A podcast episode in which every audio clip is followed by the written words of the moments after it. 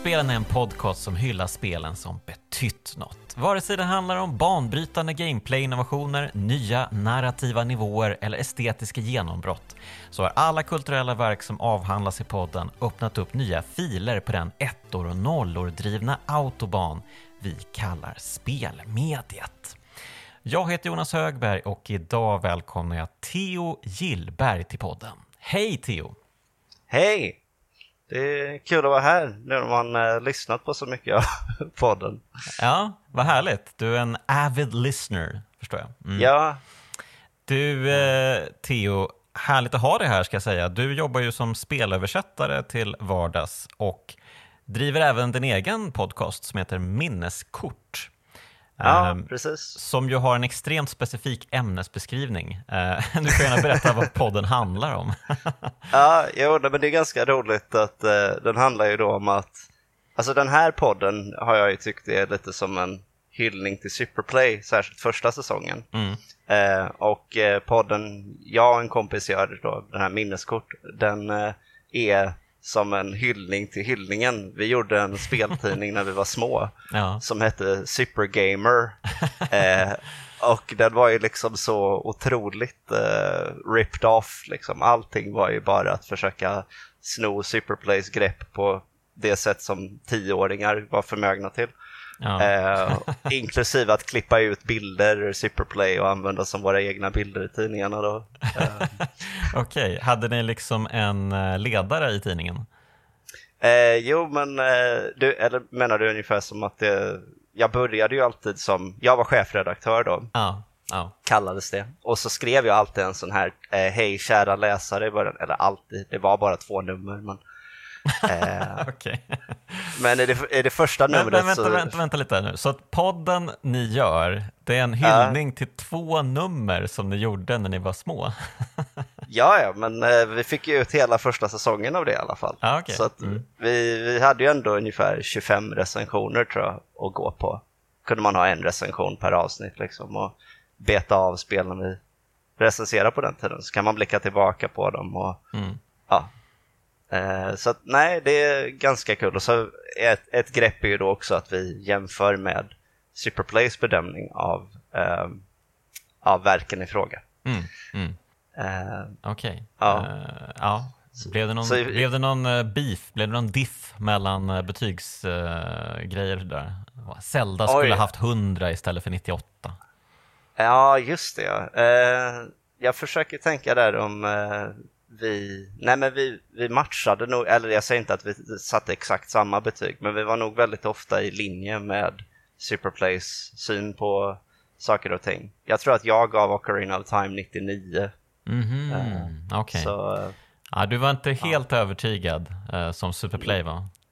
Nej, precis. Uh, jag tror att jag som liten tänkte sådär liksom att men de kan inte ge det 100, då säger de ju att det är helt perfekt. Mm. Det kan inte vara helt perfekt. Så att, Precis. Ja. ja. precis. Och de menade ju i, eller Tobias menade ju i efterhand att uh, Super Mario 64 skulle haft uh, hundringen och uh, Zelda skulle haft uh, någon, ja, någon ja. siffra mindre kanske. Precis, och ja, vi, ett annat inslag är att vi kör så här topplistor då, eh, du vet, våra bästa spel genom tiderna och mm där framgår det ju att, eh, att jag håller med Tobias. Då. Ja, ja, ja, okej, okej. eh, men du, du ja. jobbar ju som spelöversättare och eh, vi pratade lite tidigare om ett eh, spel du översatt som, jag vet inte, har du spelat eh, spelet? Eh? jag har inte det. Ja, okay. Det är ju då det här Balan Wonderland som släpptes för, vad är det, två år sedan kanske? Ja, och det det är ju, det blev ju liksom unisont eh, sågat och nästan hatat av en hel spelvärld. ja, jo, alltså det ser ju onekligen riktigt uselt ut. Mm. Alltså det här när man får för sig 2020 att en bra idé att göra ett plattformsspel där man bara använder en knapp och det vet jag ju, det har ju kommit upp eh, med andra gäster du haft att så här, det är precis det som är bra speldesign, att kunna göra ett spel som bara använder en knapp. Mm. Men då kanske man inte ska skapa 80 olika dräkter med olika förmågor mm. för att liksom utnyttja den här eh, eh spelidén. Eh, så att nej. Däremot så var det ju ett eh, otroligt roligt spel att översätta. Mm. För att alla de här dräkterna har ju namn och så. Ja, just det. Du fick släppa lös din kreativitet till fullo antar jag. Ja, precis. Som, eh, som någon eh, av de här dräkterna är typ en Eh, den eh, hette typ Little Big Horn eller någonting på engelska, vilket mm. ju ska vara någon General Custer-referens eller någonting. Mm. Men han har ju en sån här eh, grammofon ungefär på huvudet. Så att på svenska blev han helt enkelt grammofonen, alltså med å. ja, det är jättekul ju. Ja.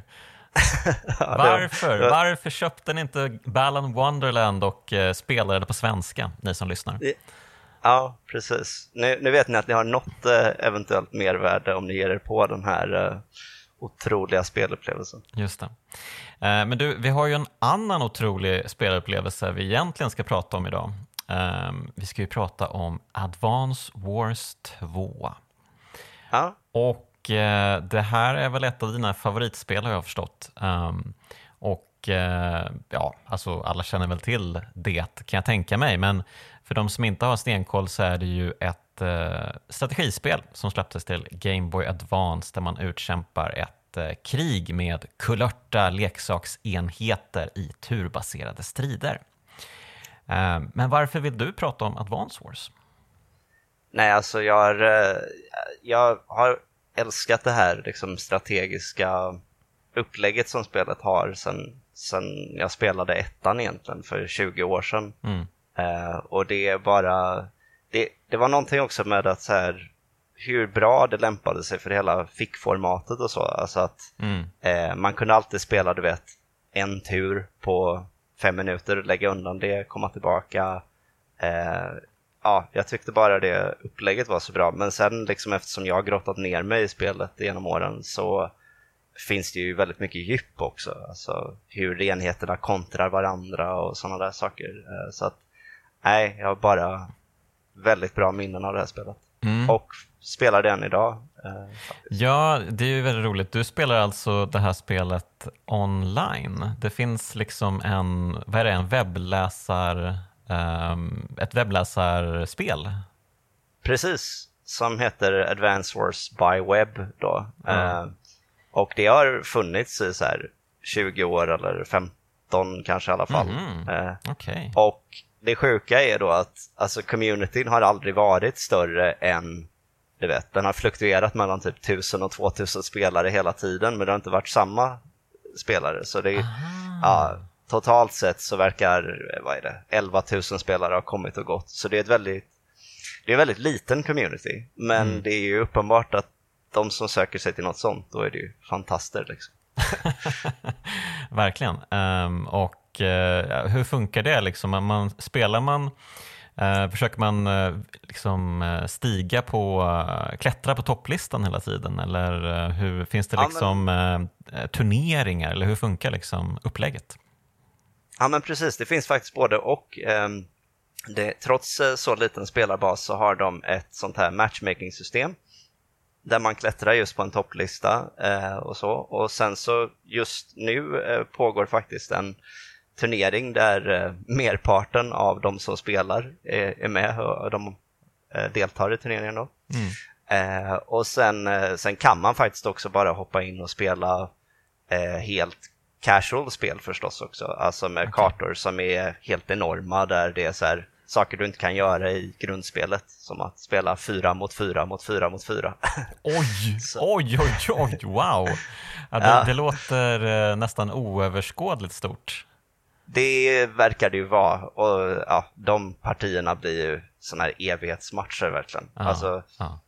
Men upplägget är ju liksom lite sådär eh, som, eh, vad kallar man det, det här korrespondensschack ungefär. Du vet. Jag gör mitt ah. drag och sen så nu har du en vecka på dig att göra ditt drag. Typ. Ja, ni skickar brev till varandra att ja, nu, nu kan du spela. ja, men precis. Det är liksom, eh, det är inte jätte, ja, det tar rätt lång tid att spela matcher så man får gärna ha flera igång och kanske inte förlita sig på att det är det enda man gör på fritiden. Eh, men, okay. ja, men har du flera matcher igång samtidigt då antar jag? Ja, eh, det är ganska många som kör så mycket som 25 matcher parallellt och Oj. då tycker jag att det, man kommer, alltså du vet, då har man ingen känsla för någon av matcherna. Det känns inte som riktiga strider, eller vad man ska säga. Mm. Så att jag brukar hålla mig till sex matcher i taget. Mm. Det tycker jag är ganska lagom. Okej. Okay. Eh, men eh, ja, men det här Advance Wars, um, vi kanske ska ta ett uh, helhetsgrepp om serien först innan vi liksom landar i tvåan. Då. Ja, um, för så. det här är ju egentligen en väldigt gammal spelserie. Um, det släpptes ju en första version till Famicom som hette Famicom Wars. Och eh, sen kom det även ett Super Famicom Wars. Eh, innan då Nintendo till slut insåg att eh, vänta lite nu här, det verkar finnas eh, strategispelsfantaster även i väst, va? Och beslöt att släppa Advance Wars i väst. Men däremot, det är så roligt, Uh, Advance Wars släpptes ju i Japan först typ 3-4 år efter att spelet släpptes i väst. det, är så, det är så otroligt, så här, jag vet inte, det, det, känns bara så självklart att det är Nintendo på något sätt. Eller så här, ja. works in mysterious ways och så vidare. Ja, verkligen. Det, Men vi kan väl börja eh. med de supergamla spelen. Har du spelat uh, dem? Eh, jag har inte det faktiskt. Mm. Eh, och det är just för att eh, jag har ju läst om dem då och förstått att det var väldigt mycket spelmekanik i dem som var otroligt dålig. Mm. Okej. ja, jag förstår det. och så Finns de översatta, vet du det? Annars måste man ju kunna japanska tecken och sånt antar jag. Ja, nej jag tror att det kan nog finnas sådana här rom moddar liksom, mm. eh, som du kan få tag på. Och där, det kan nog finnas några som översatt dem till engelska. Eh, men som standard eh, har du inte tillgång till dem genom någon kanal. Alltså, mm. du, det kommer ju aldrig någon liksom, re-release på Wii eller något i den stilen. Eh, jag förstår. Ja.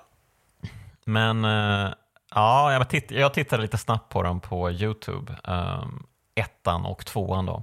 Ehm, mm. Och eh, de hade ju ehm, Alltså enheterna såg väl i och för sig lite gulliga ut men de var ju liksom betydligt mer realistiska och eh, de såg ju betydligt tråkigare ut än de som vi vant oss vid i Advance Wars-serien. Liksom. Um, man, man, får ju inte direkt ett, direkt ett sug att spela de här spelen.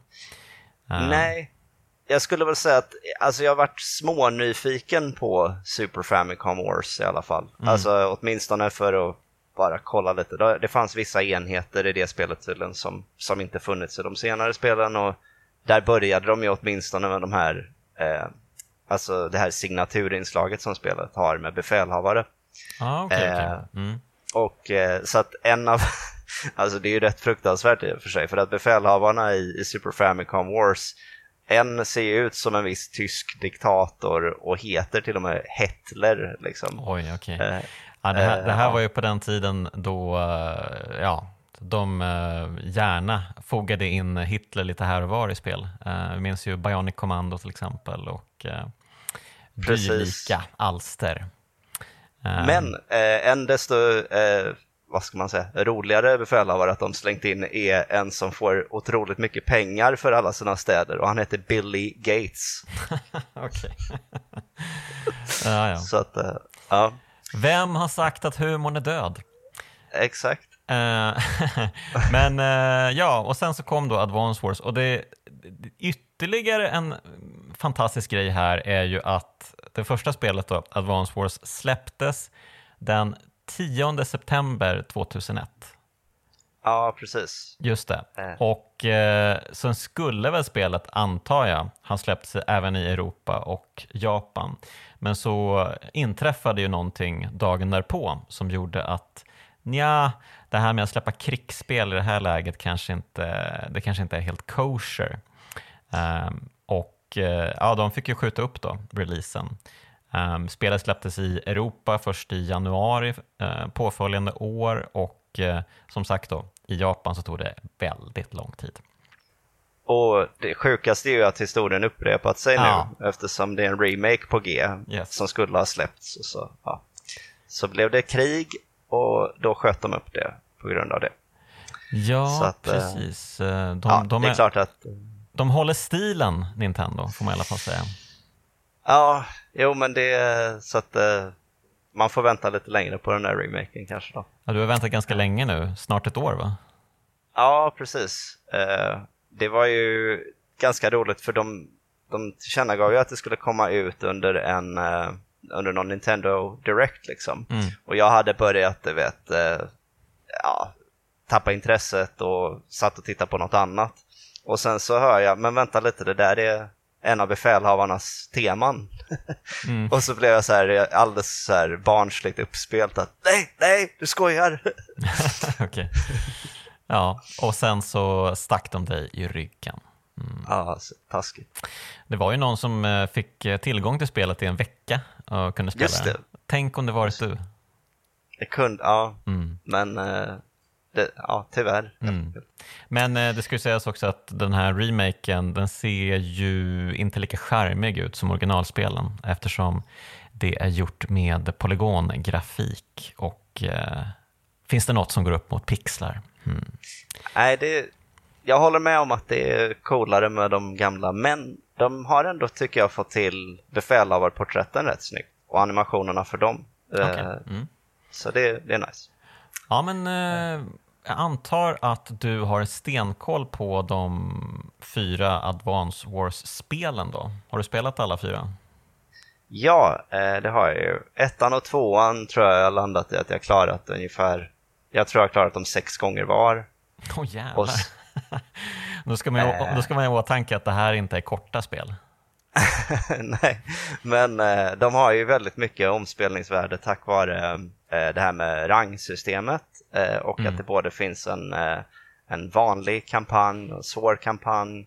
Många uppdrag får du välja vilken befälhavare du ska använda och du kan göra det svårare eller lättare för dig och sådär.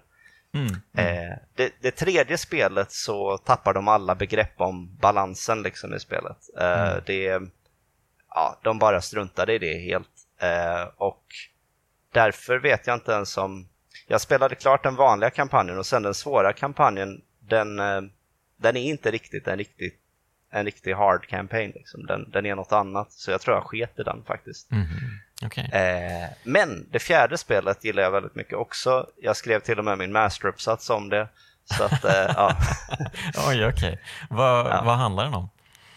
Eh, jag jämförde, det var ett väldigt speciellt spel på det sättet att det gjordes både en brittisk och en amerikansk översättning mm. av en japansk originaltext som aldrig såg dagens ljus. Eller så här, det, eh, fyran släpptes i princip aldrig i Japan. Jaha, okay. Det blev en sån här eh, Nintendo Club-bonus eh, som eh, kom flera år senare då och det är bara därför man överhuvudtaget kan få tillgång till eh, källtexten numera.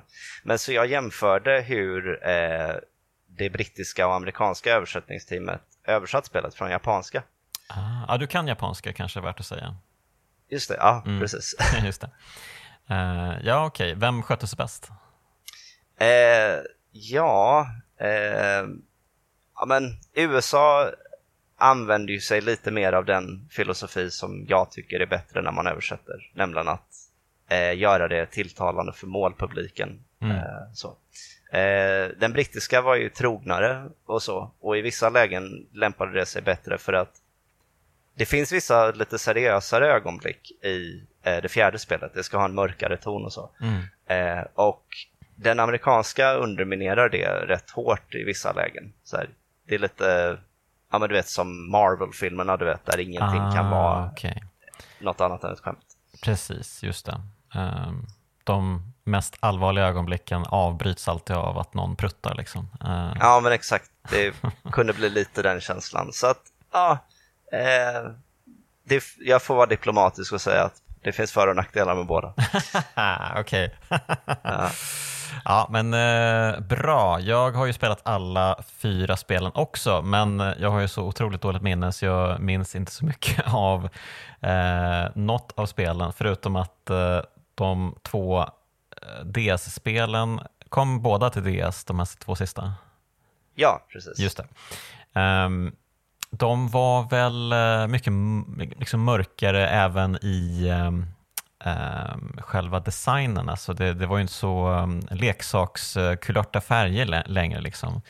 Um, Nej, precis. Um, alltså, det sista, det fjärde då, det gick mer på någon sån här linje av okej, okay, allting ska se ut som kod numera. Ja, alltså, okay. eh, men det tredje spelet är intressant för att det kör rätt mycket på de första två spelens estetik, men som att man så här, gjort den lite mer urvattnad och halvrealistisk. Det är mm. som ett sånt här mhm. märkligt mellansteg tycker jag. Där. okay, okay. Ja. Ja, men, eh, ja, men då kan man ju se hur serien liksom eh, förvandlas med tiden då till att bli Precis. en kodkopia. ja, exakt. ja, fy fan vad hemskt. Um, Okej, okay, men eh, så ta oss tillbaka i tiden då, Theo, till första gången som du spelade Advance Wars. Vad kände du? Vad, vad hade du för... Eh, varför blev du hooked på det här?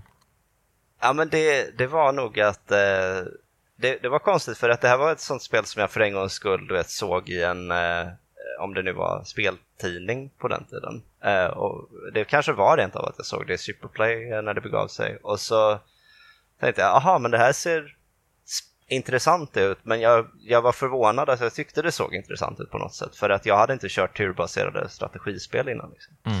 Eh, men så bara jag fick för mig att jag måste prova det här och när jag väl kom in i det här, alltså första spelet har en eh, otroligt bra tutorial eh, där den kallas liksom field training då och så varje uppdrag går igenom så här förflyttar du dig och sen så du vet nästa går igenom så här använder du tanks på ett bra sätt, alltså du vet väldigt pedagogiskt. Så. Och jag kände att den här liksom hela tiden eh, eskalerande, aha, det här också och det här lilla strategiska nyansen liksom. Att mm, de bara mm. byggde på hela tiden med att man kände nu fattar jag och nu blir jag bättre och liksom eh, men, men mycket av vad jag gillade direkt och vad jag gillade än idag är just det här att det är utformat som pussel nästan. Eh, det här att man är liksom, visst många uppdrag är ju att du ska bygga upp en armé från scratch och hela den biten. Men en hel del uppdrag är ju istället, här får du de här pjäserna typ. Eh, lös det bara. Se hur du kan få de här enheterna att räcka mot datorns enorma armé. Liksom. Och så får man sätta allt på rätt plats. Och, ja. Ja, det är väl värt att nämna att eh, det är Intelligent Systems som gör de här spelen och de gör ju även Fire Emblem-serien. Ehm, och det är väl lite systerserier det här, Advance Wars och eh, Fire Emblem. Båda är ju turbaserade och uh, även om man i Fire Emblem um, verkligen flyttar uh, karaktärer uh, mm. runt på banan med specifika förmågor och det är lite mer så här sten, sax, påse-tänk i Fire Emblem. Um, men absolut, det är ju verkligen så att vissa enheter gör sig bättre mot andra enheter i Advance Wars. Um, Exakt. Ja, precis. Det är, det är mycket mer explicit i Fire Emblem att de har det här eh, svärd slår yxor, yxor slår spjut och mm. spjut slår svärd. Men eh, Advance Wars har ju, man brukar prata om en triangel faktiskt i Advance Wars med, där Eh, stridsvagnar slår eh, luftvärn, luftvärn slår stridshelikoptrar och stridshelikoptrar slår stridsvagnar. att det är liksom, det, den mm. treenigheten är grunden för när man möter varandra i princip i eh, ja, eh, PVP-matcher. Okej. Okay. Så att det, ja. Mm. Mm. Uh, ja, det är väl kanske värt att nämna lite om, även om någon som inte har spelat spelen alls, um, vad det finns för typer av enheter och så, liksom, lite snabbt bara. Um, mm. Det finns ju liksom um, människoenheter, eller vad man ska kalla dem, infanterienheter. Um, två olika typer, en med en vanlig uh, kulspruta och en med en bazooka. Då. Och bazookaenheten kan ju ge sig på um, tanks och sånt och skada dem lite mer. Medan uh, eh, de här uh, infanteristerna de kan ju inte göra så mycket skada mot något egentligen. Uh, men de är jättebra på att springa på kartan och fånga städer, för det ska man göra i de här spelen också. Man ska ju välla över kartan och skutta på städer i en gullig liten animation och eh, fånga dem och, och eh, så att stä, staden blir eh, ens armés väldigt eh, starka färg. Så om man spelar med den röda armén så fyller man snart hela kartan med röda små städer och eh, ja vad är det, det är väl typ ehm, små, små, vad kallar man de här uh, militärbaserna? Ja, vi säger militärbas kanske. Ja, Ja, och så finns det ju eh, hamnar för eh, sjöbaserade fartyg och dylikt och sånt, eh, ubåtar och så finns det ju helikopterplattor. ja, precis. Eh, Flygplatser där du kan eh, göra helikoptrar och, och plan. Just det, precis. Så målet är ju oftast att försöka ta över så mycket som möjligt så snabbt som möjligt eh, för att sen kunna göra en push mot eh, motståndarens armé. Eller om det Precis. finns något eh, special eh, eh, mål med kartan, kan ju finnas ibland också. Just det, i kampanjen är det mycket av den varan. Ja. Mm. Eh, och eh, det är ju för övrigt en av de väldigt eleganta grejerna tycker jag i spelet. Att du både då kan vinna genom att fullkomligt krossa motståndaren. Alltså eh, förgöra varenda enhet då som motståndaren har. Eller ta motståndarens högkvarter. Och då behöver du en sån här då infanterist som går och gör det. Det. Eh, Mm. Men eh, det gör ju att du kan ibland eh, ja, smyga dig till en seger lite halvt. Eller så här, Ah. ja, de, de vaktade inte högkvarteret. Så det Mm. blir ju lite parallellt med att så här, i schack kan du ju ligga efter flera pjäser, men om du bara fångar kungen så vinner du ändå. Just det. Mm. Ja, men precis. Det finns eh, många sätt att vinna på. Ehm, senare i spelet så introduceras ju liksom så här jättekanoner som man ska förstöra och superlasrar och allt möjligt. Liksom. Ja, Eh, exakt. Så ja, Eh, och eh, det är väldigt rolig bandesign. Nu kanske vi går in lite mer på Advance Wars 2 då, men innan vi gör det så kanske vi ska prata lite om varför du valde just Advance Wars 2. um, ehm, vad är det med det här spelet som gör det liksom bäst? Ja, men det är det att jag tycker att tvåan har bäst eh, balans av allting på något sätt. Ettan, eh, är, ettan etablerar ju konceptet och så och det är jättebra kampanj och allting i det spelet. Men den är ibland nästan eh, orättvist svår, särskilt om man spelar den svåra kampanjen. Vissa banor är designade så att Alltså det fanns en bana i ettan där jag var tvungen att eh, rita hur jag trodde hela kartan såg ut och eh, sätta ut vad jag trodde att alla fiendeenheter var. Och genom liksom trial and error fick jag helt galet hur svårt det var. Eh, medan trean som jag var inne på tappar det här med balansen helt. Och eh, fyran har ett väldigt bra flerspelarläge men eh, kampanjen är inte riktigt lika stark. Så att tvåan är liksom den som ja, smäller högt i alla kategorier på något sätt. Mm. Jag var inne på lite Reddit-trådar och GameFAQs-trådar för att eh, försöka bilda mig en egen uppfattning som jag inte minst de andra spelen. Ehm, och det är, ju, det är ju lustigt för att alla spel har ju sina egna liksom, proponents. Det är många som säger ja men det är trean är bäst. Eh, nej, nej, nej, det är fyran som är bäst. Försök inte. Ja, Eh, vänta nu här, har ni glömt ettan? Den var ju faktiskt först och bäst. Eh, Ja, men ja, men- jag vet inte, jag gjorde någon sorts här eh, snabb inventering av alla inlägg och tror faktiskt att det var flest som nämnde tvåan ändå som det bästa. Mm. Ja, det, det var en, eh, jag såg en video som jämförde ettan och tvåan också och hade en eh, viktig eh, distinktion som det är nog väldigt preferensbaserat så här. Eh, men ettan har ett upplägg där du spelar som samma tre befälhavare hela vägen i princip. Du kan få styra någon annan i ett enstaka uppdrag liksom. Men ja, eh, för det mesta så är det samma tre befälhavare och så är det dina motståndare som byts ut hela tiden. Du får möta åtta olika och lära dig bli bra mot dem. Liksom. Mm. Eh, medan i tvåan vänder de på steken. Du får spela med totalt vad det nu är, 12 olika befälhavare eller någonting. Men du möter samma fem hela tiden. Mm. Ehm, och där är det vissa som menar då att amen, det är roligare att ställas inför eh, varierade utmaningar i form av fienderna då. Mm. Medan andra känner att nej, nej, men jag vill ju få leka med mina egna krafter liksom och göra grejer. Och jag kan hålla med om att det är roligare att få prova på olika grejer själv. Mm. Eh, så det gillar jag med två. Du pratade om krafter där. Eh, De här befälhavarna har ju specifika superkrafter som de kan använda. När de har eh, gjort tillräckligt mycket skada mot fienden eh, eller själva tagit skada. Just precis. Uh, uh, vad, ja. Hur påverkar de uh, spelets finstämda spelmekanik?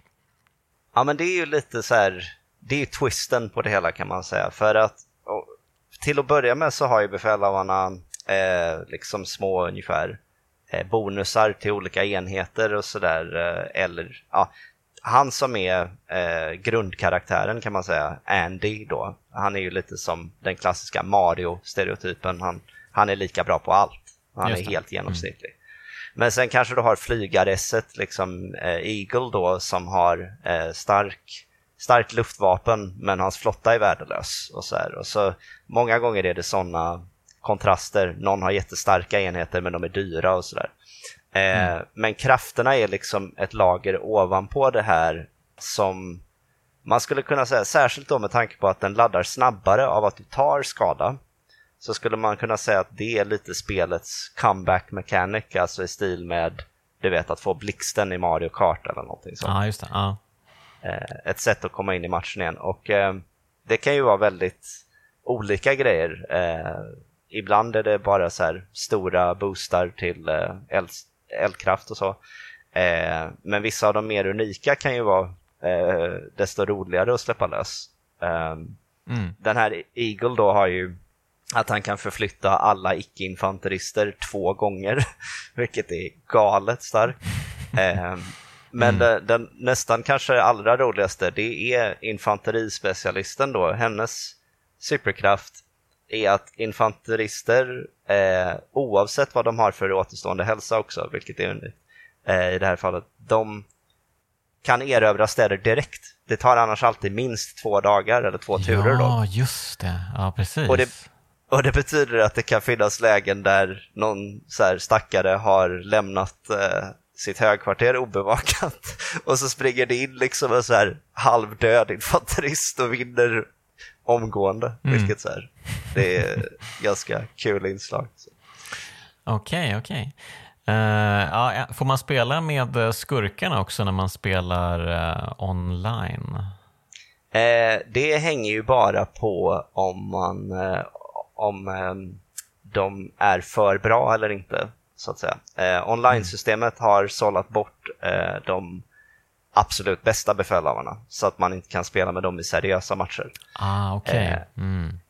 Vilket betyder att man kan inte spela med sista bossen då. Eh, men man kan spela med några av de andra som du mött nu då mm. i Advanced. Ja, för jag har ju tagit mig igenom spelet då från början till slut och eh, det var ju en resa det verkligen. Wow! Eh, jag har slitit verkligen. Oj, oj, oj, vad jag har slitit. Ehm, jag tror jag landade på, ja det blev nog kanske 27 timmar eller något sånt här. Oj, ehm. ja men det är ändå ganska respektabelt. Så. Ja, eller hur? Um, ja, men det varit eh, en väldigt kul resa och uh, man, um, jag blev ganska imponerad av hur de ändå liksom förändrade banuppläggen så att uh, det kändes väldigt sällan som att man repeterade sig uh, Eh, och fick samma utmaningar utan det kändes ändå som att man hela tiden um, hade liksom eh, nya hot takes på bandesign här hela tiden. Um, och Eh, det var ju kul att man, det är liksom fyra olika kampanjer då, man spelar ju då med fyra olika arméer. Um, så man börjar med den här röda, uh, med Andy och company. Uh, de här väldigt uh, gulliga, snälla typerna. Ja. Um, och jag spelade ju på normal då um, och som jag har förstått så är ju hard en helt annan historia. Um, och man får ju till och med inte ens spela första uppdraget i spelet uh, på hard för det är liksom tutorialuppdraget och helt onödigt liksom. Just så att uh, ja, hela första kampanjen är väl en sorts tutorial i normal. Uh, kändes ja. lite som i alla fall. Exakt, det är i princip upplagt som att sista uppdraget ska vara ditt första riktiga uppdrag nästan. sista uppdraget i, i första kampanjen. Där blir det ju ja. som att du får visa upp vad du, vad du lärt dig ungefär. Precis. Eh, Mm. Men eh, ja, Men, men sen, redan här får man ju då tillgång till den här, eh, det enda, den enda nya enheten i spelet. just det. Ja, Om man då lyckas, för det här är lite roligt tycker jag, Eh, den heter ju då Neotanken eh, och är en, den, den biffigaste, bästa tanken helt enkelt i spelet. Men Ja. för att man ska kunna få använda den så måste man alltså på eh, ett av uppdragen eh, inta rätt stad i detta uppdrag. Och det är ju inte alltid man, man tar alla städer på en karta. Eh, långt Nej, ifrån precis. alltid, långt ifrån alltid skulle jag säga. Eh, men lyckas man inta rätt stad på den kartan, då så får man upp lite meddelande. Oj, nu hittar vi en, ro, en rolig liten eh, ritning här. Eh, oj, men nu vet vi var, eller kartor ju, nu vet vi var fienden har eh, ritningarna till neotanken. Och då får man liksom ett specialuppdrag som dyker upp sen på, på huvudkartan som man kan välja.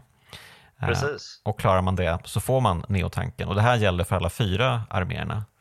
Eh, Ja. Men jag, jag hittade bara den för första. Jaha, okej. Det, nej, det, är- du sa någonting i och för sig om att du ibland bara så här, äh, vi hoppar över de här eh, försnacksgrejerna, så viktiga är de inte, eller hur var det? Mm, Ja, jo, precis. Eh, Jag tycker att de, de, de babblar lite mycket kanske. Ja, nej, men det är ju inte, det är kanske inte ett storydrivet spel, så kan man väl säga.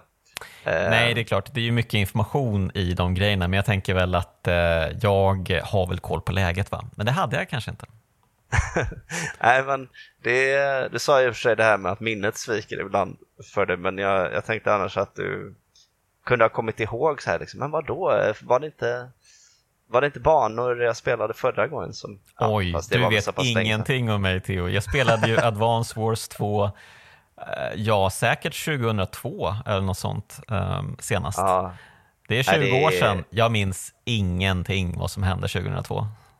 nej, det är jag som är lite skadad av hur jag nog ibland är med sånt där. Du har ju spelat det här spelet sex gånger också. Ja, jo, jag vet. Men jag, jo, det är sant.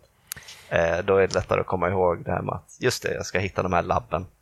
Ja, men jag, Eh. jag kände ju faktiskt igen alla karaktärer. Det var ju starkt av mig får jag säga. Ja. Eh, Men också ett tecken på att de är lite minnesvärda då. Ja, men de är, jag tycker det är väldigt eh, fin karaktärsdesign. Det tycker jag verkligen. De har gjort alla väldigt eh, expressiva, alla har ju liksom en egen vibe liksom.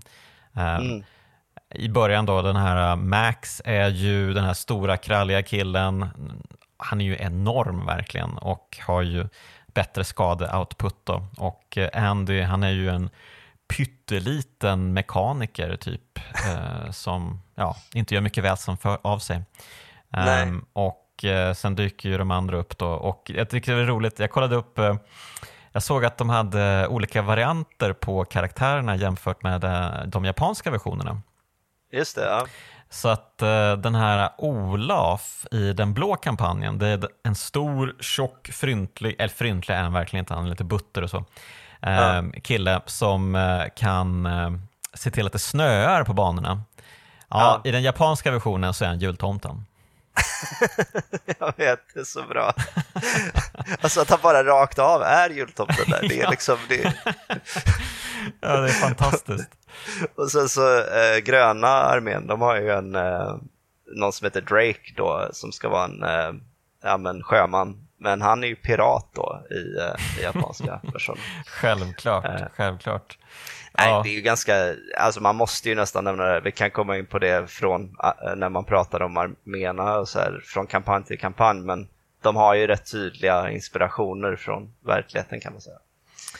Eh, jag Ja. vet inte hur mycket du tänkte på det liksom, men or, Orange Star då, eller den röda armén, eh, Ja. det, det ska ju i princip vara i USA då. Mm. Eh, medan den blå armén, det är Ryssland, Mm. eh, gula är Japan och så, så den gröna, ja, det, är lite, det tvistas lite kring om det är Tyskland eller hela Europa. Ja, precis. Um, Eagle, han har ju lite en tysk vibe skulle jag kanske säga. Och så Eh, heter hans kraft mer eller mindre blitzkrig också, så det, är ju, Ja, precis. Mm, det är sant. Det, Eh, det talar ändå för det. det är väldigt talande. Men eh, sen har han ju polare i sin armé som kanske inte är riktigt lika tyska. Nej, Drake, eh, det är väl därför man har den här teorin om att det kanske är Europa, för Drake låter ju mycket mer som att det ska vara kanske eh, Storbritannien eller någonting. Va? Ja, det är Francis Drakes ättling typ. Ja, exakt. Mm. Nej, så det, det, är ett lite roligt inslag och kanske kan förklara lite bättre varför eh, Nintendo sköt upp den här eh, releasen av eh, remaken eftersom Advance Wars 1 börjar med att blå armén invaderar sitt grannland. Så Ryssland invaderar sitt grannland i ja. princip. Mm. Eh, är det första som händer där. Uh, ja. Mm. Mm. det kanske man kan se då varför de vill undvika. Ja, precis. Jag tror ju jag tror inte att det är så jättemånga som hade känt att Advance Wars var ett påhopp på dem utifrån eh, kriget och så. Um, men visst, det, man ska kanske tread lightly i sådana sammanhang. Det, det, är nog ett större problem i så fall att tonen kring krig i spelet är väldigt så här, mm. vi har så kul! Ja, ja verkligen. Jo, ja, men det är ju lite konstigt. Uh, stundtals känner man ju det. Uh, det är väldigt glättigt det här spelet och uh, det är ju hemskt egentligen. det är ju fruktansvärt det här. Men, ja, oh well. Oh well. Just go with the flow. Ettan är ju allra, alltså ettan är allra sjukast. Jag vet att det blir mycket snack om ettan nu också, men där är det ju att när man är klar med, har man uppfyllt vissa kriterier och så är man klar med att liksom ha besegrat sista bossen och allting, då börjar Andy och Eagle snacka. Hej, vi är värsta rivalerna, vi borde ta en strid till. Jaha, så, alltså nej, bara, krig, bara för skojs skull? Bara för skojs skull, kriget är slut. Ja, så, låt oss slakta tar... människor bara för skojs skull. det är så bisarrt. Wow, uh, ja verkligen. Uh. Ja, det är roligt för att i slutet på tvåan så det är ju, ehm, ja vi kan ju gå in på det nu direkt, alltså det är ju ingenting innan slutet man behöver säga egentligen utan alla befälhavare samlas för att göra en push um, och till skillnad från ettan då där uh, alla tussades mot varandra av en okänd yttre makt som visade sig vara den här Black Hole-armén då mm. Ehm, så är ju Black Hole-armén liksom eh, huvudantagonisten i hela tvåan. Ehm, Precis. Alla vet ju om att de är skurkar, liksom, så nu anfaller de alla, eh, alla länder och eh, alla arméer mm. samtidigt. Så det slutar med att alla teamar upp och ger sig iväg för att besegra Black Hole på deras hemma, ehm, hemmamark. Och när man då har besegrat dem då, så äh, samlas ju alla och är jätteglada och åh vad härligt och sådär. Men samtidigt så skurkarna, äh, för den här, den här, vad heter han, äh, Hawk heter han. Mm. han förråder ju storskurken Sturm. Det. det. är ju han ja. som dödar Sturm, antar jag. Man får inte se det hända, utan man ser ju bara de här liksom dialogrutorna. Ja. Um, och typ Åh! något sånt där liknande. ja, men exakt. Så Ja, precis. Så att han tar över liksom kommandot. Och de blir så här, ja, vi, vi är ju glada för att du gjorde det här, men du är fortfarande vår fiende, eller? Osäkert just nu. Ja, just det. Mm, vänta ni bara. Det här, jag gjorde det här bara för min egen skull, säger han, fast tror vi på det? Han verkar snarare ja. ha fått ett samvete på de sista eh, fem minuterna. Liksom. Så ja. ja det, det, är väldigt uh, luddigt slut och uh, man vet liksom inte oj vad kommer hända härnäst och sådär. Just det spåret är nästan det enda de bygger vidare på i trean på något meningsfullt sätt alls. Uh, för då är det att han, ja, han blir mer och mer desillusionerad när någon annan typ har tagit över Black Hole-armén. Mm. Och till sist då så lyckas man övertyga honom att hoppa över till ens... Alltså, han, håller, han kommer eh, bli dödad om han eh, inte får hjälp av en då. Mm. Eh, och då bestämmer han sig för att, vad heter det, desertera eller vad man ska säga. Alltså hoppa över till de allierade nationerna istället. Okej. Okay. Mm. Ah, ja. Men, mm. ja. Nej men, som sagt, storyn är ju inte något så här jättespeciellt, men jag tycker att i och med att karaktärerna har ändå, visst de är verkligen så här endimensionella personer så, men mm. eh, det blir ändå genom att de har den här eh, charmiga designen och så och allting så tycker jag jag tycker storyn gör vad den behöver för att liksom slussa en från uppdrag till uppdrag i alla fall. Mm. Uh. Ja, men jag håller med. Uh, man, uh, man är sugen på mer, helt klart. Och mm. ja, de är en duglig liten studsmatta mellan uppdrag, absolut. Ja. Men ja, men alltså vad, vad minns du själv från, från tvåan? Liksom? Har du några liksom, favoritkartor i spelet från kampanjen då? Som du, som, som du tänker på? Ja, alltså det finns ju, å ena sidan finns det sådana här eh, kartor man kan komma ihåg att eh, så här, ja men den var rolig spelmekaniskt. En bana i blå eh, kampanjen är ju att eh, den kanske äckligaste av alla befälhavarna, ja för det kan jag ju säga förresten, varje land invaderas ju av en specifik befälhavare primärt. Mm. Eh, och eh, den blåa armén, eh, de invaderas av någon som heter Adder som ser ut som någon budget Marilyn Manson eller någonting. Mm. Eh, och eh, hans grej är då att han ska invadera eh, ett bergspass med löjligt många stridsvagnar.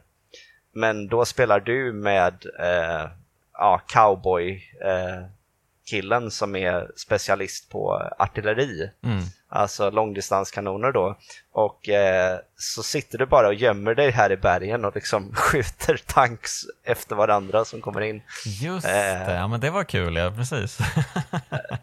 det var ganska gött med target practice liksom. Ja, eh, men det, nu vet jag inte för du spelar väl antagligen, antagligen bara på hard när du spelar om de här spelen. Mm. Eh, men eh, det var ju inte jättesvårt, eh, normalkampanjen. Det, var det är ju... inte ett jättesvårt i Hard heller. Okay. Mm. Det, det, är svårare, men det är inte liksom jättekomplicerat där heller. Nej, men precis. Jag kände väl egentligen att det bara var egentligen först vid den fjärde armén eh, som det började gå emot lite. Eh, det var några mm. specialuppdrag som jag liksom inte riktigt fattade, för där behöver man liksom um, deploya enheterna nästan eh, helt rätt från början för att man ska kunna vinna. Uh, mm, det finns mm. något uppdrag när man ska skydda den, den orange eller röda armén um, mm. som befinner sig mitt i kartan och är omringad av fiender och även omringad av såna här laserstrålar, um, alltså speciella, uh, vad kallar man dem? Ja, Eh, men det Lasertorn kan vi säga. Ja, precis. Turrets eh, säger de nog, ja. ja. Så det är speciella lasertorn då, så att antingen så förstör man alla fyra lasertornen eller så intar man högkvarteret. Och det är smockfullt med eh, enheter. Um, det finns jättemycket flyg och så. Tanken är att man ska använda sina uh, bombflyg uh, för att antingen då spränga allt där eller så tar man någon uh, infanterist i en en vad säger man, helikopterförflyttningsfordon som de kan åka i ehm, och eh, ta dem till basen. Då. Så det här var ja. lite klurigt. Jag var tvungen att spela om eh, två gånger faktiskt innan jag fick det helt rätt. Ja, nej, men vissa uppdrag är ju mer, ja, kräver ju lite mer av en och det är lite vanligare att de gör det i den svåra kampanjen då just för att eh, datorn tenderar att ha fler enheter där mm. eh, redan från början. Och ja, eh, då måste du liksom tänka efter hur du, hur du ska få det att gå ihop. Men alltså, jag, när jag tänker tillbaka på kampanjen i tvåan så är det ju fler tillfällen där jag faktiskt gillar de här uppdragen som är mer av en så här eh, all out power display som det jag pratade om då med, mm. med nyss. Det finns ett annat uppdrag i, i gröna kampanjen där man börjar liksom med en eh, stor luftstyrka och så ska man storma ett eh, fort med massor av kanoner ute ah, på havet. Det, just det. Ah. Och det är lite svårare än man tror i alla fall, särskilt i den svåra kampanjen för att eh, jag kommer inte ihåg Ja, ah, nej vänta, det är nog ingen tidsgräns i det, men jag försöker ju alltid gå för högsta ranken då. Mm. Eh, och då behöver man vara riktigt snabb och då är det det här att eh, han har, alltså Hak som man möter då, den här befälhavaren, han har inte så hemskt mycket, eh, så hemskt många enheter. Men när man krossar hans armé så, om man inte gör det eh, på precis rätt sätt så hinner han släppa lös sin superkraft vid fel tillfälle. Mm. För, eh, specifikt innan du hinner använda din. Ja, just det. Mm. Och då blir det väldigt svårt att klara den så snabbt som man ska. Så det blir lite av ett pussel ändå. Jag gillar att den har en balans där mellan att du både får vara superstark och att du ändå måste tänka på vad du håller på med. Ja, men det är också en, en bana till då som eh, jag fick spela om um, en eller två gånger. Um, och jag, jag, jag, kikade på hard så har de ju flippat den så att den inte är horisontell utan vertikal. Just det. det var ja. kul. Alltså, det gör väl ingen skillnad antar jag, men uh, Nej. Det är ändå det... någon liten effekt ändå. Så här, ja, okej, okay. nu tittar jag uppåt istället. Okay. Ett smart sätt att så här, få spelaren att känna som att oh, det är som en helt ny bana. Liksom. Egentligen har inte så mycket hänt. Så. Nej, men ibland så gör de ju, för du, du, du visade ju mig en um, väldigt uh, informativ och pedagogisk eh, hemsida som ja. Eh, visar skillnaderna mellan normal och hard. Och, eh, där ser man ju att vissa eh, banor får ju liksom, de byggs ju ut och vissa ja, förvandlas exakt. ju helt och hållet och blir liksom helt andra uppdrag. Eh, mm. Det är ganska fascinerande när man tittar, liksom jämför sådär. Mm, nej men det, det där är riktigt kul och det är också någonting de tog med då från, eh, från ettan hade också en del sånt där att eh, en och samma bana kunde Eh, det kunde, uppdraget kunde heta samma sak men det var olika kartor och sådär. Eh, nej men, det, alltså, en del av det är också att när jag väljer mellan så här, tvåan och ettan, det är ju lätt att känna så här att de här spelen är primärt byggda för kampanjen. Eh, men eftersom jag ändå spelat en del eh, mot människor då, eh, så ettan har, eh, det är väldigt obalanserat. Vissa befälhavare är på tok för starka liksom. Ett, ett exempel är han Max som du nämnde, den här stora kralliga killen. Ah. Han, hans eh, tanks och, och, allt som skjuter på nära håll, eh, de, gör, de gör 20% mer skada i tvåan. Mm. I, I ettan gör de 50% mer skada. 50? Ja. Wait, va?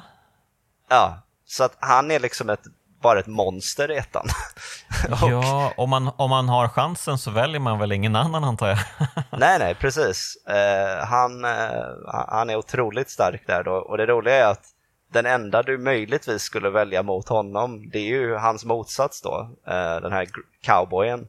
För att hans förmåga då att skjuta längre än alla andra befälhavare med sina kanoner, det är liksom så starkt så att ja, det kan nästan kontra Mm. Ja, just det. Hans superkraft gör ju att det blir ännu, ännu längre också. Um, mm. Så att då, då kan man ju nästan uh, sitta vid sin hembas och skjuta. Han är ju helt galet långt liksom. Ja men exakt, det, det, spelar ingen roll att den andra skjuter hur hårt som helst om den aldrig kommer fram. Nej, så. precis. precis. Ja, men eh, precis, jag kan tänka mig att det, det, blir en del låsta lägen när ni spelar online. Jag har ju, du visade någon, eh, någon bild på någon så här upplägg Eh, mm. Och att ni egentligen bara liksom, ni har varsin armé, eh, det finns en flod emellan och eh, ni bara sitter och väntar på att någon ska flytta någon enhet lite för långt fram liksom och sen så, ah, så hugger den andra liksom. ja, ja. Nej, precis. Jag försöker verkligen undvika att komma in i sådana situationer men ibland blir det ju det som folk i communityn kallar för advanced walls. Alltså ah. att det bara är mm. två stora väggar. Precis. Att, äh, ja, men då, ja. då kan det väl nästan bli omöjligt att vinna antar jag. Om man är liksom... Det, det går ju att föreslå äh, remi, och så, eller ja, oavgjort då. Ah, okay. äh, mm. Så att man kan komma ur dem om det blir riktigt tråkigt. Mm. Men äh, ja, nej, men en annan grej jag tycker de gör snyggt här då med, du sa det här med att det hinner inte liksom bli tjatigt eller de förnyar sig i, i kartornas upplägg och så här. Det är att Eh, varje kampanj är upplagd så att du får två uppdrag med varje befälhavare. Och sen slutuppdraget så väljer du en av de tre befälhavarna då, eh, från armén. Mm. Eh, och även uppdraget där du eh, ska hitta labbet med neotanks då, det är också eh, att få välja befälhavare. Så att du hinner ju liksom inte spela de här olika så att det blir tjatigt. Mm. Mm. Eh, Ja men det är sant, verkligen. Uh, faktiskt, när jag spelade den här slutpushen då och man fick mm. välja mellan precis alla befälhavare. Ja. Då var det så här, jaha, vilka var bra nu egentligen? Jag har hunnit glömma liksom. Um, ska jag para Andy med Eagle? Blir det bra? För Eagle är ju stark och Andy kan reparera sina fordon. Hmm, ja, det är frågan. Um, så att uh, jag fick ju, uh, ja, helt enkelt, uh, man, man, det finns ju, man kan gå igenom alla deras superkrafter då, så att man kan se svart på vitt vad de gör för någonting. Men, det. det. är lite klurigt ändå att hålla koll på allt, för det är ganska många att hålla koll på ändå. Ja, det är ju ändå det. Det är ju 18 stycken tror jag i tvåan. Mm. I och för sig är det två stycken som är lite mer hemliga. De är mer gimmick eh, bonusbefälhavare som inte figurerar i kampanjen någonting. Ja, eh, ah, just ja. det. Mm. Jag läste något om det. Eh, mm. Ja, men eh, hittade du, eh, du får ju hissa och dissa någon, eh, några av dem. Ja, nej, men vissa minns jag ju knappt, det ska väl sägas. Och ja, kommer jag på dem här nu? Det är frågan. Jag får nästan kolla på online. Ja, det kanske inte, gamla gubben som är paratrooper kanske inte lämnar så starkt intryck. Ja, du tänker på Sensei. Um, ja, ja, men då kommer du ändå ihåg ju. Ja, men han hade ju ändå en väldigt uh, egen superkraft. Det här att så fort man aktiverar hans superkraft så kommer det fallskärmsjägare uh, uh, som landar på alla städer man har. Vilket mm. ju kan vara superbra. Uh, man, man, får ju onekligen massvis med enheter väldigt snabbt. Men ja. samtidigt så är det ju bara infanterister, eller om man, det finns ju uh, den vanliga kraften och sen finns det ju superkraften, så det är ju två olika nivåer man bygger upp. Uh, man, vill ju, man vill ju upp till den ultimata nivån, då, superkraften, för då får man ju istället för vanliga infanterister så får man ju bazooka-skyttar. Exakt. Um, och uh, nej, han är ju, det är ju sådana där grejer som är svåra ibland att avgöra när man uh, spelar det vanliga spelet så att säga. Uh, mm. Men uh, han anses ju då vara för bra för att få spelas mot varandra. Ja. För att det är så otroligt starkt att kunna generera så många enheter helt enkelt. Mm. Ehm, ja, Ja, men, ja, men, och samtidigt den här Sonja till exempel, uh, jag minns henne inte alls. Var, var hon bra? till exempel? Hon, hon är ju rätt dålig. Mm. Uh, för, mest för att hon har, en, uh, hon har en nackdel som är otroligt frustrerande att spela runt. Mm. Spelet har nämligen att varje gång du går på en fiende så ja, finns det en grundskada du gör och sen så görs även en liten luck roll för att se kom, om du gör lite mer skada. Mm. Eh, men hon är den enda som även kan få en negativ luck roll, så att hon gör mindre skada än det står att hon ska göra. Oj, nämen. eh, wow. Det är fruktansvärt frustrerande i vissa lägen, för att spelet bygger ju ganska ofta på just eh, murar, liksom. en enhet som blockerar en annan. Mm. Eh, och det är jätteviktigt då att komma igenom den första så du når den andra och så vidare. Mm. Och då om hon inte pålitligt faktiskt får ner den första, ja då mm. faller ju hela din offensiv plötsligt. Mm. Ja, nej det låter ju faktiskt uh, direkt värdelöst. Uh, ja. Bra jobbat där, Intelligence Systems. uh, ja. mm, men det är klart, gör man 18 karaktärer så kan väl inte alla vara bra helt enkelt. Nej, det ska väl finnas lite den här idén säkert att du vet, experten ska ju spela med någon också. Liksom. Och, alltså om man är lite ojämna eh, och möter varandra. Just så. det, precis. Um, exakt. Någon ska spela med Jaws och den andra ska spela med Oddjob. Precis. Ja, exakt så. Mm. Eh, det, är lite den eh, logiken. Ja. ja Men ja, det, jag kan tänka mig fordonsspecialisten i gröna armén kanske inte heller var, minns du henne? Uh, nej. Nej, det är Je Jesse är inte den mest så här, om man, för det är ju som vi varit inne på liksom, många av de här har ändå väldigt tydliga, en ska vara i princip en japansk kejsare och en är jultomten liksom. Mm. Eh, om någon bara är så här, eh, ja, jag, jag har starka tanks, that's it liksom. Mm. Det lämnar kanske inte samma intryck. Ja, lite tråkigt att eh, många tjejer är så dåliga då. Um, det ja, får de skärpa till sig nästan. Ja, men eh, det är väldigt bra. En grej som vi inte kom in, kommit in på alls är, eh, jag tycker att musiken i det här spelet är eh, väldigt eh, underskattad. Alltså mm. jag har aldrig hört någon prata om musiken i de här spelen och jag tycker den är grym. Mm, Okej, okay. ja, ja, ja, den, var, den var bra. jag vet inte om jag skulle hålla med om att den är grym. Men, eh, ja, men, men, alla har så sjukt distinkta teman, ja, nästan ja, alla. Ja. Och eh, väldigt trallvänliga. Och, ja, jag tycker jag gillar den jäkligt mycket. Mm. Eh, och särskilt då om jag spelat det så mycket och inte trött på det. Ja, men det är ju verkligen ett testament uh, till uh, spelets musik i så fall. Ja. Um, um, ja, men uh, det kanske är värt att säga att spelet, um, alltså själva huvudstrategin i spelet eh, skiljer sig också från de tidigare, de här Famicom Wars-spelen.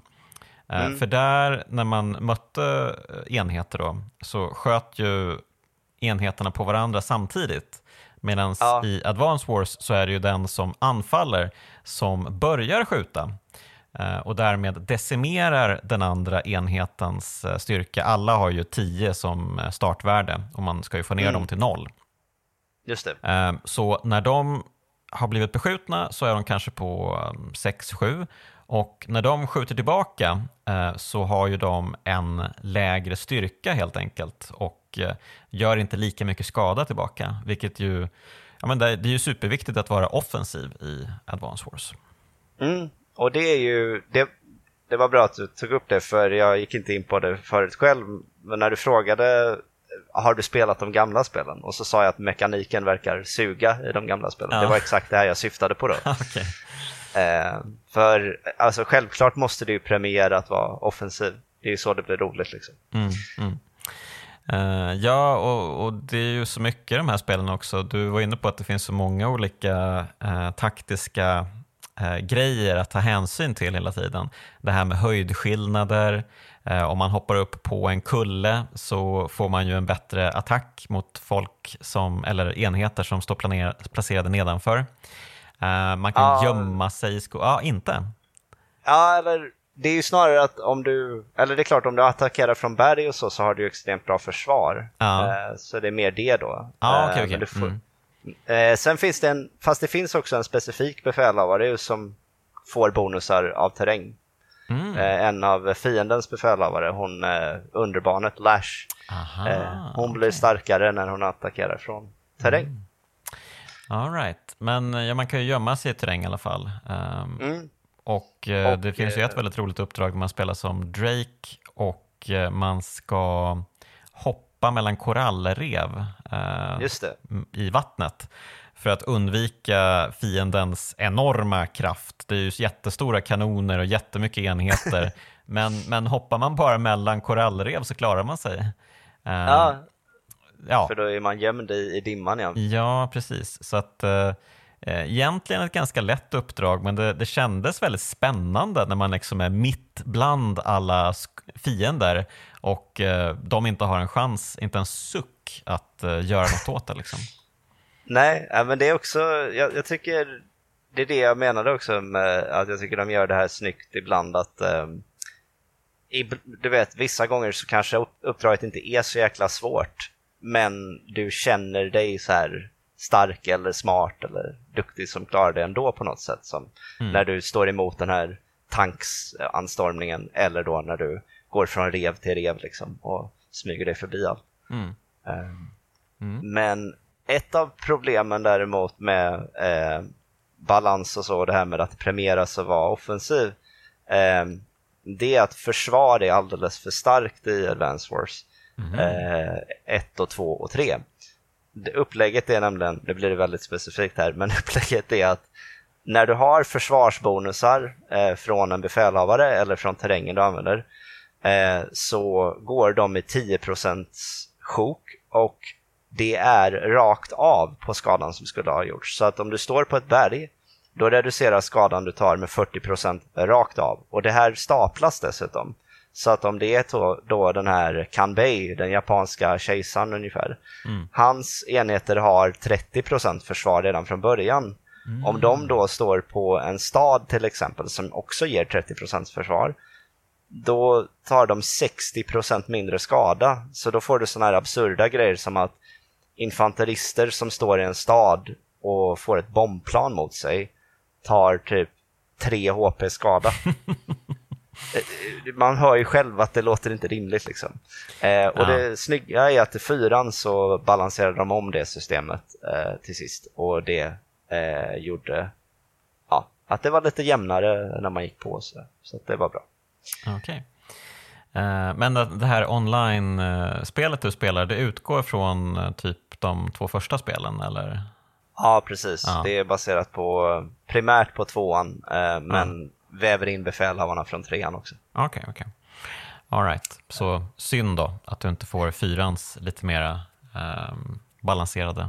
Eh. Det, precis, det finns, det finns faktiskt eh, en community för fyran också, men där är det liksom 300 som spelar den. Ah, okay, alltså okay. Så det är ännu färre. Mm.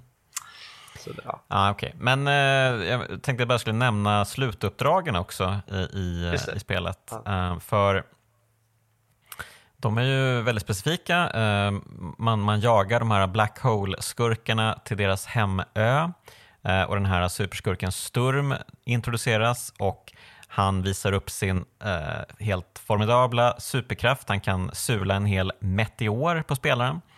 Eh, ja. Men du var inne på att man kan baita den om man har ett visst antal enheter intill varandra så blir han liksom mer sugen på att slänga meteoren på dem. Eh, och ja, så kanske man sprider ut resten och sådär. Ja. Men eh, så att första uppdraget var ju busenkelt på normal eh, och det var väl bara att man introducerar Sturm och hans superkraft typ och vad som komma skall då i nästa uppdrag.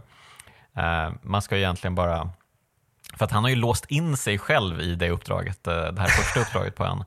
Ja. Så man ska egentligen bara bomba sönder hans missilkastare och sånt där. Liksom. All, allt som har, alla avståndsvapen han har ska man liksom bomba sönder i lugn och ro. Och sen så ska man gå in då och försöka förstöra resten, de stora kanonerna där uppe. Mm, mm. Så att, ja men verkligen busenkelt. Men sen då, sista uppdraget var ju lite av en pers för mig. jag fick ju spela om det flera gånger. Um, och det var svårt att hitta exakt rätt grej jag behövde göra. Eh, men när man, när man väl insåg vad man behövde göra så var ju det också lätt. Eh, men det är ju också det, man ska ju försöka lista, lista ut vad som är kruxet med upplägget. Liksom. Ja, ofta när man misslyckas med ett uppdrag dyker ju hon eh, Nell upp, mm. eh, den här som eh, hjälper en liksom, mm. och säger eh, du, har du tänkt på att du kanske skulle göra det här? Mm. Uh, och jag kommer inte ihåg om hon kanske nämner någonting om vad som jo, är en bra idé. det gör hon. Uh, men jag hoppade över det första gången.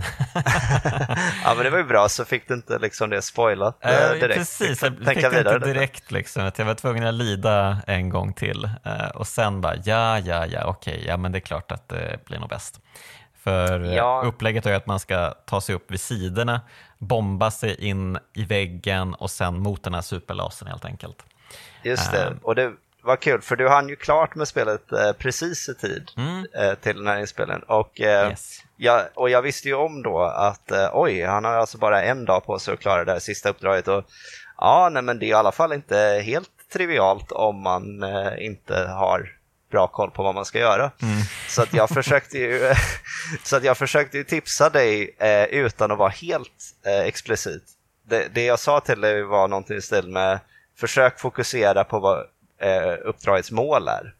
Ja. Eh, vilket liksom var tänkt att hinta, du behöver inte slå hela armén, du behöver bara krossa lasern. Mm. Och hur gör du det då? Mm. Uh.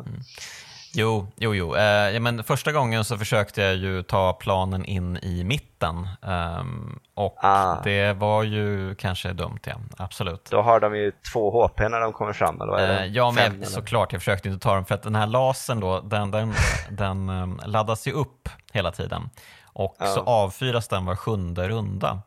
Um, så att man ska försöka se till att inte ha enheterna i mitten uh, när den uh, går av, för då är de ju typ rökta. De, hela HPn försvinner ju inte, men de har väl typ två kvar efteråt och uh, ja. det känns lite surt. ja, de kan inte åstadkomma så mycket längre då. Nej. Så att. Precis. Uh, men, men här fick jag också lite att AI inte riktigt är på toppen då i spelet. För jag märkte att AI gjorde en del konstiga felbeslut här i sista kartan speciellt. Um, ja. Dels så skapade den en, en, ett jetplan uh, för att skydda sig mot de här bombplanen som kommer. Ja. Um, jetplanet kan ju bara anfalla luftenheter. Um, ja. Och uh, bombplanen har ju inget skydd mot ett jetplan. De, är ju bara, de blir uppätna. Liksom. Mm. Så att uh, det första bombplanet jag skickade upp uh, ble, blev ju toast såklart. Men sen ja. så tar AI det här jetplanet och för upp det långt, långt, långt längst upp i vänsterkanten eh, på kartan eh, och låter det sitta där. Så att jag bara kan skicka upp nästa bombplan bara, jaha, jag, jag valsar väl in här bara och bombar då antar jag. ja, det, Vad hände alltså, där? Ja, det är, det är konstigt ibland för att eh, AI kan göra just sådana där eh, absurda beslut ibland. Mm. Eh, och det, det förstår jag mig inte på, men Eh, det är nämligen en grej annars som, som eh, de gjort i spelet, att de programmerat en del eh, uppdrag efter begränsningarna som AI har. Mm. Ehm, fler, det finns uppdrag där, det, där du måste nästan utnyttja att AI alltid jagar transporter. Aha. De kommer alltid prioritera transportenheter då, helikoptrar eller den här APC, mm. pansarvagnen då. Och eh, då ska du försöka så här, okej, okay, okej, okay, där är en jättetanks. Vi skickar transporten hit mm. så att den jagar den och så avancerar vi. Okej, okay, ja, jag visste inte det. Det var, det var ju dumt. Hade jag vetat det så hade jag väl blåst igenom spelet. Ja, men så det, det är en uh, ganska så här, rolig grej då. Att jag, jag gissar att sådana där saker får man ändå lite väga in. Att det är spel till Game Boy Advance liksom, från 20 år sedan. Det, mm jag, jag tror inte de, eller de lär inte ha så mycket utrymme att göra det här till Deep Blue direkt. Nej, nej men det är klart. Uh, men, uh, ja, men det där var ju lite konstigt får man ändå säga. Ja, ja, för det, man förstår ju inte, alltså vad den än har programmerat AI att göra, mm. så förstår man inte hur, varför det där är liksom rätt drag. Ja, men för de, där uppe då i den kanten av kartan, då, det finns ju eh, ett gäng missilanläggningar Ehm, och skickar man eh, en infanterist eller alltså en fotsoldat helt enkelt så kan man ju använda de här missilerna och skicka upp ah. dem och så kan man bomba eh, fienden eh, på specifika ställen. Ja, men lite som Sturms Meteor då, bara det att ah. den tar mindre skada. Så det finns ju jättemycket sådana missiler där uppe, eller ja, i kartans övre sida liksom. Ah. Så att jag antar att tanken var oj då, eh, han är på väg upp till missilerna. Ja, men då är det bäst att jag skickar upp eh, jetplanet och ett bombplan också eh, dit upp. Så att nah, nu, nu kan han omöjligen ta missilerna. Trots att jetplanet alltså inte kan attackera fotsoldaterna ja. som skulle ha kunnat ta missilerna. Ja, ja men jag antar Nej, men... det. Annars förstår jag verkligen inte vad som händer där.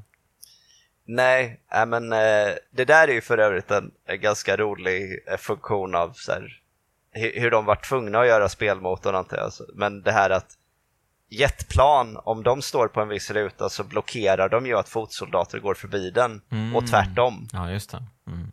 Och det, det, här blir ju alltid lika roligt liksom när det, det står fyra infanterister runt ett jetplan och då är jetplanet låst och kan inte röra sig. Just det, man kan göra mycket med enheterna. Det, det fick jag verkligen tänka på när jag körde det här sista uppdraget på eh, gröna armén. Jag tror den heter Great Sea Battle.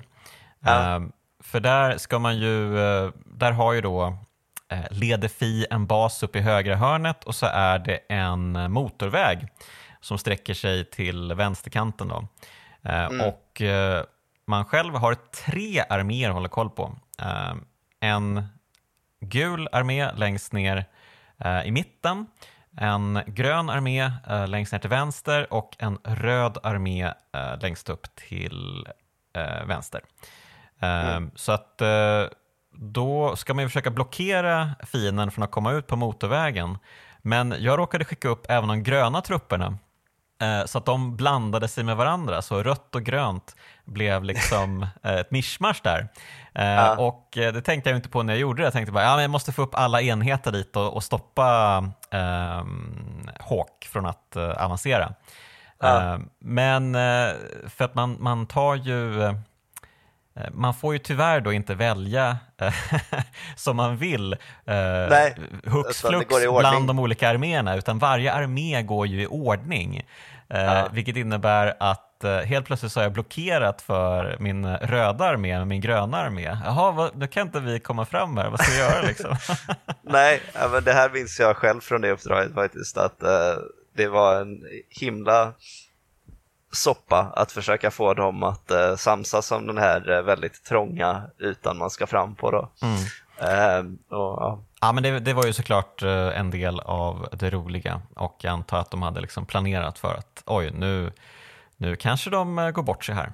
Um, och jajamän, det gjorde jag verkligen. Uh, och man ska ju, man, det är en ganska kul karta egentligen. Man ska ju även försöka liksom slussa iväg uh, fotsoldater Eh, på transporter till de olika öarna och eh, så ska man ju försöka skicka ut lufttrupper också då som kan skydda de andra. Liksom. Den känns ju lite mer som Alltså sista banan, ja det är en stor dödslaser och hela den biten. Men mm. den banan i gröna kampanjen känns lite mer som ett typiskt sista uppdrag. Alltså att det känns som en riktigt ordentlig fight bara. Ja, ja men det var det. Det kändes som sista uppdraget verkligen. Och det tog ju jättelång tid. Det kanske tog lite för lång tid. Det tog två och en halv timme att klara det uppdraget. Oj, uh, ja, men jo. jag kanske var dålig också, det är mycket möjligt. Men... Ja, men det är ju den... Ja, det är ju definitivt ett av de tuffaste uppdragen i, i spelet. Och så. Mm. så att, uh, och framförallt som du säger, ett väldigt, väldigt långt uppdrag. Men, ja, precis. Och jag tog det på första försöket ändå. Det var ju liksom um, det var ju bara det att det var så en himla, uh, det vägde liksom hela tiden över. Och sen när jag väl insåg att okej, okay, nu trycker jag tillbaka uh, Hawk här. Men det kommer ändå vara typ en halvtimme kvar av uppdraget för att han kommer ju inte ge sig utan jag måste liksom hela vägen in i hans bas med allting ja, och det kommer ta en evighet att ta mig igenom allting. Nej, precis. Alltså, för den banan ska du väl förstöra någon jättekanon, det är det som är, eller två kanske, det är väl det som är slutmålet på den. Eller måste du döda ja, alla? Ja, nu ska vi se här. Nej, man skulle skära av röret i det uppdraget. Ja, just det. Just det. Så man ska ta Så... sig hela vägen in i hans stora bas, eh, alla, allra längst in eh, och bomba röret. Men det är ju det att han har liksom svämmat över hela basen med enheter. Eh, ja, vilket gör att det, det blir... där, där funkar det ju inte att bara skicka ett bombplan och lösa det liksom. För mm. han har väl någon fabrik eller någonting som hela tiden pumpar enheter där och så Ja, så man måste ju fånga alla städer på kartan också så att man får tillräckligt med pengar så man kan producera och sådär liksom. Ja. Så att, ja, det kommer vi aldrig in på riktigt. Att det är ju det som är den stora poängen med att ha städer hela tiden. Då. Det är ju mm. det att det är de som ger en inkomst, alltså finansierar nya trupper. Mm. Mm. Eh, och eh, ja, där någonstans är ju egentligen det är det som blir dragkampen i varje match. Liksom, att, eh, att erövra mer mark och varje gång du tar en strid många gånger så eller det går ju ut på att nu ska jag vinna mark så jag kan ta städerna här. Mm. Och då kommer jag få mer pengar och ja, i slutändan vinner ju jag då om det här bara fortsätter. Eh, ja, så att det är ju det som är det, det är på något sätt en stor del av hela grundidén, liksom. Mm. dragkampen om mm. städer. Ja, men jag hade i alla fall väldigt, väldigt roligt med Advance Wars 2 och kan verkligen rekommendera alla som inte spelat de här spelen att uh, ge dem ett uh, försök. Och, ja, vad blev det för rank förresten på kampanjen? Jag fick A. Nice. Jag var lite rädd att, att du skulle ha liksom kört på bara och få B. Men, uh, men A är ändå men, okay, men bra. blir det någon som helst skillnad mellan dem? Alltså, låser man upp något speciellt eller? Jag har något minne av att man, eh, vad är det, det är någon befälhavare tror jag som kräver att du klara med antingen A eller S i alla fall. Mm -hmm. okay. eh, kanske, eller om det är att du ska klara den svåra kampanjen eller något sånt. Ah, jag har ju landat i att jag inte kommer spela om spelet eh, igen faktiskt. Eh, ah. För att... Varför då? För att, eh, nej, eh, här, det, det, blir ju inte så mycket skryt när man spelat det så många gånger, men min senaste gång jag körde det så spelade jag den svåra kampanjen och så fick jag perfekt rank på alla banor då. Mm. Eh, och då finns det ju inte så mycket mer att göra. Ja, du har ju problemet att du har en väldigt bra minne då eh, och du minns allting. Så du kan omöjligen spela om spelet eh, och glömma. Nej, precis. Eh, det, det kommer inte ge det det ska. Liksom. Ah, okay. Men du hade planerat att spela remakesen? Ja, för det blir lite som, då kan jag ju kolla om de har något nytt innehåll. Alltså, det lär de inte ha riktigt, men de kan ha programmerat om AI pyttelite eller mm. lagt in lite nya story-snack eller vad som helst. Framförallt vill jag ju också bara stötta det liksom för att det är enda sättet det kan bli några fler spelare i den här serien. Det är ju lite av ja. parentesen i den här podden att det här är en franchise som varit död i 15 år. Precis, um, exakt. Uh, Fire Emblem har ju blivit superstort Ja. Uh, kanske lite tack vare det där mobilspelet som släpptes. Um, det gjorde väl saker och ting mycket lättare för dem att uh, satsa på de här lite större spelen uh, som kommit nu på senare tid. Det kommer ju ett nytt Fire Emblem alldeles strax och när den här podden är ute så kanske det redan är släppt faktiskt. um, så ja, men, ja, precis. Nu släpps det ju Fire Emblem på löpande band. Liksom. Um, och det dyker upp uh, spin-offs också, liksom. så att, uh, det är ju en superpopulär serie medan Advance Wars ligger bortglömd i ett hörn. Ja, det svider ju lite när man tittar på till exempel Super Smash Bros. Liksom, och så finns det 80 karaktärer eller någonting nu och åtta av dem är från Fire Emblem och Advance Wars har ingenting. Det finns liksom 1200 låtar tror jag i Super Smash Bros. Och, och inte en enda av dem är från Advance Wars. Mm. Det, är som, det är liksom den enda franchise som knappt är representerad överhuvudtaget. Så det svider lite för att mm. jag älskar de gamla Fire Emblem-spelen. Eh, de här första som kom till Game Boy Advance, men eh, Nintendo vågade ju släppa dem i väst för att de såg att det gick bra med Advance Wars. Mm. Eh, och då fick de den här idén, liksom, aha, väst kanske faktiskt tycker det här med turbaserat är okej. Okay. Ja, det är roligt för att de hade ju den där tanken Nintendo eh, förr i tiden på 80 och 90-talet att eh, Ah, men eh, de i väst är ganska korkade va? Uh, vi kan inte släppa några strategispel eller något, något som har liksom någon sorts utmaning. Uh, utmanande spel som uh, Lost Level, Super Mario Bros 2, liksom. nej det går inte, aldrig. Uh, och i just det fallet kan man ju faktiskt förstå det, för det är ju pissvårt spel. Eh, ja. Men uh, att de helt hade liksom flera spelserier som de bara höll på och bara nej, det här kommer aldrig funka. Nej, uh. alltså det är ju helt, eller, ja, det framstår som så konstigt nu liksom, men man undrar ju liksom hur, vad förväntade de sig att det skulle sälja i väst? Trodde de inte att de skulle få tillbaka liksom budgeten på det? Eller vad? Mm. Ja, det är väldigt förvånande med mycket sånt där som ja, för all del har vi Final Fantasy-serien. Det är så lätt att glömma nu liksom när den är uppe på 15 och Final Fantasy 7 Rebirth eller vad det är. Mm. Alltså för att det var ju, vad var det? Final Fantasy 1 var 1, 2 var 4 och 3 var 6 eller hur mm. var det nu? Mm. Ja. Precis, de, de vågar inte släppa uh, vissa spel. Uh, Nej. Ja. Nej, märkligt. Mycket, mycket ja. märkligt. Men uh, nu verkar det där vara ett minne blott och ja. så även Advance Wars. Mm, tyvärr. Uh, tyvärr då. Men uh, vi ska alltid minnas Advance Wars för vad det gett oss. Fire Emblem. Ja. Um, och Exakt. Nej, det lever men, kvar. Nej men det är ju jätteroliga spel och alla borde spela dem kan jag tycka. jättegulligt, jätteskönt, perfekt så här pick up and play-spel som du var inne på. Ja. Hade det funnits på mobil så hade, alltså det måste ju bli en succé kan man ju bara tänka sig. Ja, det här, man kan ju säga det för folk som kanske spelar mer moderna spel och inte har det här i referensramen lika mycket att Into the Breach är ju ett sånt spel till exempel som är väldigt ja. uppenbart eh, inspirerat av det här. Ja men verkligen, och det, det blev ju en succé. Um, ja. Och uh, ja, alla har väl typ spelat det? Nej, det har de inte. Men uh, det blev ju, uh, man ska veta vad som ligger bakom och vad som kanske borde ligga framför också. Ja, exakt. Och i det här fallet så är det Advance Wars 2. Mm. Um, har du något uh, sista du vill säga om spelet, Theo? Uh, varför du tycker att det är ett kraftspel?